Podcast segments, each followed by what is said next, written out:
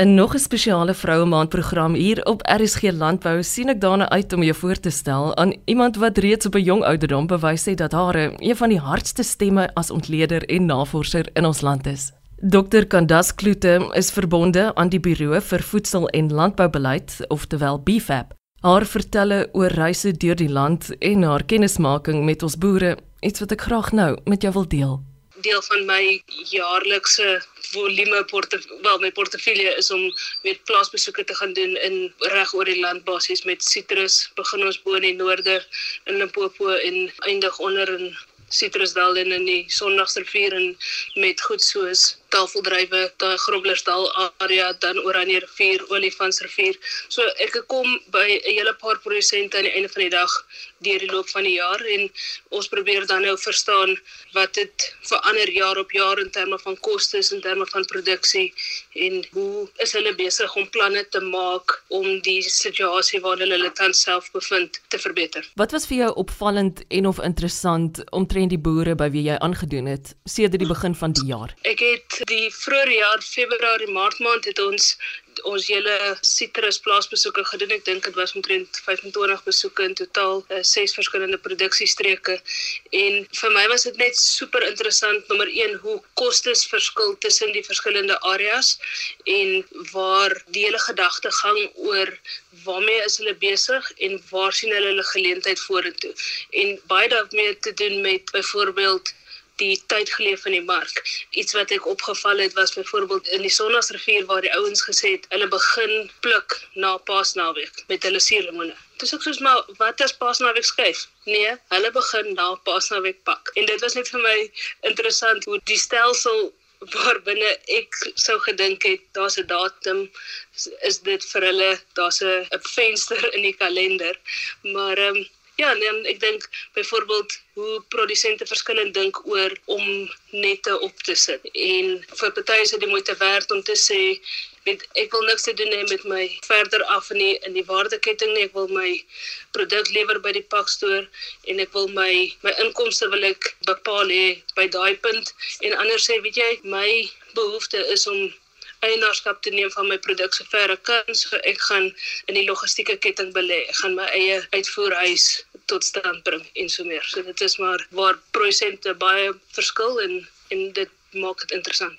Vir mense wat dalk nie weet nie, waar is die Sondagsrivier? Dit is in bietjie noord van Port Elizabeth. Dink is so 'n halfuur se ry halfuur dalk na 45 minute se ry van Port Elizabeth af. So dit maak dit weer dat daai produsent het weer 'n heeltemal 'n ander uitkyk rondom hawens byvoorbeeld want grootste deel van ons sitrus word in die noorde van die land geproduseer.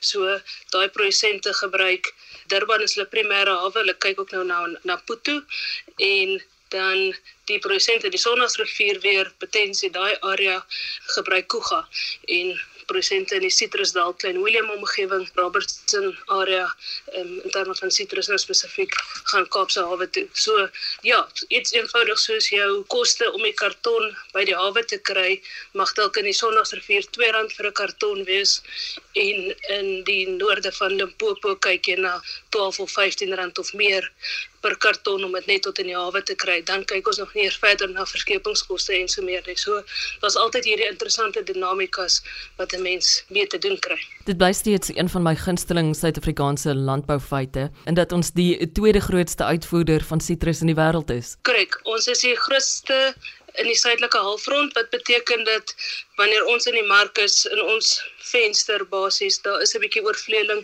met noordelike halfrond en sekere kultivars maar oor die algemeen ja is ons die grootste in die suidelike halfrond tweede grootste in die wêreld maar nie noodwendig die grootste produsent nie. Ons is ek dink in baie gevalle omdat ons landbou en baie spesifiek ons ons vrugtebedrywe en neutebedrywe so uitvoer georiënteerd is, sit ons dikwels met sê nou maar 10de, 11de, 12de in terme van totale produksie in wêreldterme, maar in die top 5 in terme van uitvoering. Kan daas kom ons praat oor jou PhD. So my grootste vraag was hoekom ons sien hierdie afname in aantal produsente oor jare. En in my geval het ek probeer om sover as moontlik te gaan kyk na tussen plaasgetalle en produsentgetalle maar hoe dit ook al sê, plaasgetalle het afgeneem van hier 1950s af tot omtrent 120 000 plase gehad en die nuutste landbousensus van rondom 2017 gedoen data 2020 uitgekom het ons so rondom 40 000 plase. En dit het my net die vraag laat vra wat maak dat produsente ophou en gaan ons hierdie tendens van minder en minder produksie eenhede oor tyd gaan dit in die toekoms ook jy weet uitspeel. En toe ek gaan 'n paar vrae gaan vra en 'n paar metodes gaan gebruik om te gaan bepaal wat is die drywers van hierdie besluit. Eerstens hoeveel produsente beplan om in die volgende 10 jaar die landbou te verlaat. Die redes daarvoor en bietjie te gaan kyk na die subsektor waarin dit is en dan natuurlik om te verstaan wat moet verander om hierdie produsente in die landbou te hou. Wat was van jou bevindinge? Ek dink een van die mees interessante dele vir my was die feit dat Goed, so ons het een uit 5 produsente het aangedui dat hulle beplan om die landbou te verlaat en hoofsaaklik weens redes uit finansiële uitdagings en veiligheid in in landelike omgewings en dan ook ouderdom. Maar in die ouderdomskategorie moet 'n mens in ag neem dat wanneer 'n produsent sê ek gaan my plaas verkoop en aftree, dan beteken dit ook daar is nie 'n seun of 'n dogter wat die plaas gaan oorneem nie of 'n ander familielid nie. So, jy weet, dis nie net 'n ouderdomskwessie nie, dit is ook 'n jonger generasie wat in landbou groot geraak het, maar nie noodwendig beplan om in die landbou wel in primêre landbou te bly nie. En dan een van die interessante dele vir my was ons het ehm um, die produsente in ouderdomskategorieë ingedeel en die ouderdomskategorie 30 tot 45 was effektief meer geneig om te beplan om op te hou boer as die ouderdomskategorie 45 tot 65. Natuurlik 65 en ouer was die die die grootste waarskynlikheid getoon. Maar dit sê net iets van die jonger generasie wat nou in die landbou is, het sien nog steeds vir hulle self 'n geleentheid om half oor te begin in die lewe as hulle hulle plaas sou verkoop en ook dat hulle hulle is minder gebind as die groepering 45 tot 65. En dan ander faktore was goed soos gebrek aan betroubare arbeid, onsekerheid aangaande grondhervormingsbeleid en oor die algemeen was kommer en landelike veiligheid 'n groot kwessie geweest. Wat is die gemiddelde ouderdom van die Suid-Afrikaanse boer? Ek het dit bereken uit die data wat ek gehad het was 450 produsente en ons het by uh, net so knap in die 50 uitgekom wat dan ook gestrook het met die inligting wat in die sensus van 2017 bevestig word. Daar was 'n uh, eh, soortgelyke groeperings van ouderdomme as wat ek in my in my studie bevind het. In my studie het ek enigiets gehad van 20 jaar oud tot 90 jaar oud en die gemiddeld was vir die verskillende groepe van ambisieuse en minder ambisieuse produsente was was alles hier in die 50s. Ek dink waar 'n mens wel die onderskeid kan tref waarskynlik is tussen plaaseienaarskap en die ou wat homself as die primêre produsent op die plaas sien. So dit mag dalk nog wees afhangende van die struktuur wat die plaas in lê of dit in 'n trust is of dit in 'n maatskappy is of dit in die waarskynlik nog in die pa se eie naam is, gaan bepaal weet waar mens regtig daai ouderdom vaspen, maar oor die algemeen sou ek sê dit is waarskynlik nader aan die 50s as aan 65, maar dat ons ouer wordende bevolking van produsente het is beslis so. Wie is die oudste boer in ons land wat jy al ooit ontmoet het? Ek dink dit is een van my vriende se oupa. Ek het die oom ontmoet. Hy boer daar in die Weskus en ja, ek dink hy is diep in sy 80s. Waarmee boer hy? Skaap en graan. Tydens jou navorsing dan nou en met die PhD, is ek seker dit was nie net alles 'n donker prentjie nie. Nee, ek dink daar's 'n paar goed wat positief was. Nommer 1, 4 uit 5 produsente het gesê, weet jy, ek sien kans vir die huidige omstandighede van landbou en en ek wil graag hier wees. Ek dink wat ons ook gevind het was ek en 'n uh, kollega van my het nou 'n uh, artikel daaroor geskryf ook en dit moet nog gepubliseer raak, maar daar was 'n algemene gevoel van positiwiteit rondom mentorskap en dit het baie spesifiek by die jonger generasie produsente uitgekom. Wat beteken dat daar's uit 'n grondhervormings oogpunt is daar daar is onsekere sekerhede rondom die beleid, maar daar is ook nuwe generasie produsente en natuurlik van die ouer produsente ook wat hulle self graag in 'n posisie wil bevind waar hulle nuwe toetreders tot landbou oplei. Ek dink daar's een van die faktore ons het veral en ek dink dit dit dalk te doen met die feit dat ons die data ingesamel het in 'n periode waar droogte 'n groot rol gespeel het. So ekstensiewe lewende hawe boerderye was tot 'n mate meer geneig om prosente in daai subsektor was meer geneig om te sê hulle gaan hulle beplan om op te hou of hulle verwag om oor die volgende 10 jaar op te hou.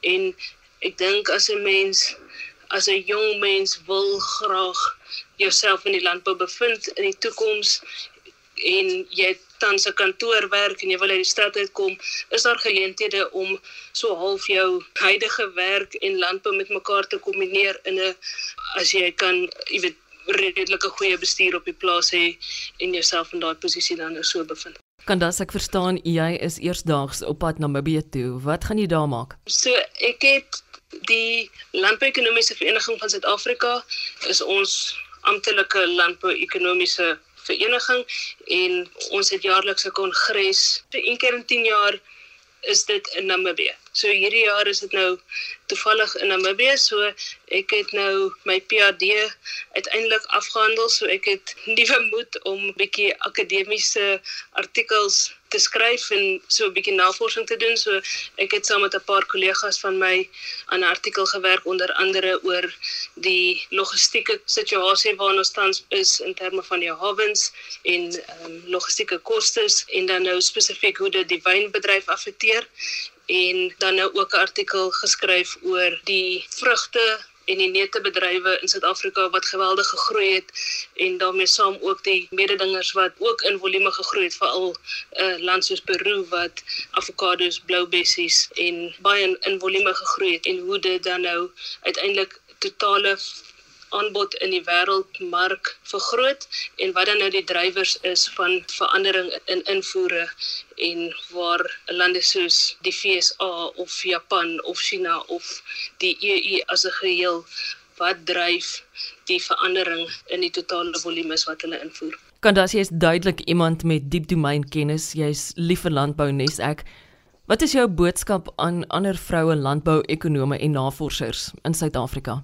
Ek dink ons is besig om in totale in absolute volumes te groei en dit is my 'n 'n wonderlike omgewing om om deel van te wees. Ek uh, kyk byvoorbeeld by ons by BFAP is uh, het ons meer vrouens as mans in die span en dit maak net ek dink dat ons uiteindelik daar sou al hierdie we stick together tipe houding. Ek dink daar's groot geleenthede vir vroue in landbou oor die algemeen en dan ook in die landbouekonomiese beroepskeuse. Oor ek moet jou daarom net vra, is Kandas die ja. naam wat in jou ID-boekie ook staan? Nee, dit is nie, maar dis ook nie die naam op my teses nie, maar dit is die naam waaronder ek my werk doen en my artikels skryf en hoe my vriende my noem en my familie my noem. Wie was Botterkop? Botterkop. Botterkop is daar's Botterkop en Botterpot. Botterkop is die lorry gewees. Ek weet nie hoekom nie. Hierdie 1960s tipe Mercedes lorries met die met die ronde neuse. Hulle was Botterkoppe. Ons het nou nog tot so 2 jaar terug een gehad op die plaas en my ouma het my partykeer Botterpot genoem. Ek het geen idee hoe botter en pot en ek as 'n persoon bymekaar moes gekom het nie maar ja my ouma is nie meer hier om te vra nie so ek sal maar altyd wonder. Ek vertel my die storie van Onkruid Maree. So my oupa is gebore Meinhard Onkruid Maree en sy van is nou Vloete en hy het groot geraak dan nou met die middelnaam Onkruid en toe hy groot geraak het en toe hy nou volwasse was, het hy sy naam gaan verander na Johannes toe, sy middelnaam. So hy het van M O M na M J M uh, sy naam verander. Met ongewone name in die bloedlyn en 'n hart vir die boere van Suid-Afrika, is dit 'n groot lekkerte om met Candace Kloete kennis te maak hier tydens Vroue Maand. Sou jy enige van ons onlangse programme gemis het, is dit bloot 'n dubbelklik ver op www.rsg.co.za. Baie dankie dat ek vanoggend saam met jou kon kuier. Ek sien daarna uit om binnekort weer so te maak. Ek is Eloise Pretorius en ek groet jou. Tot dan.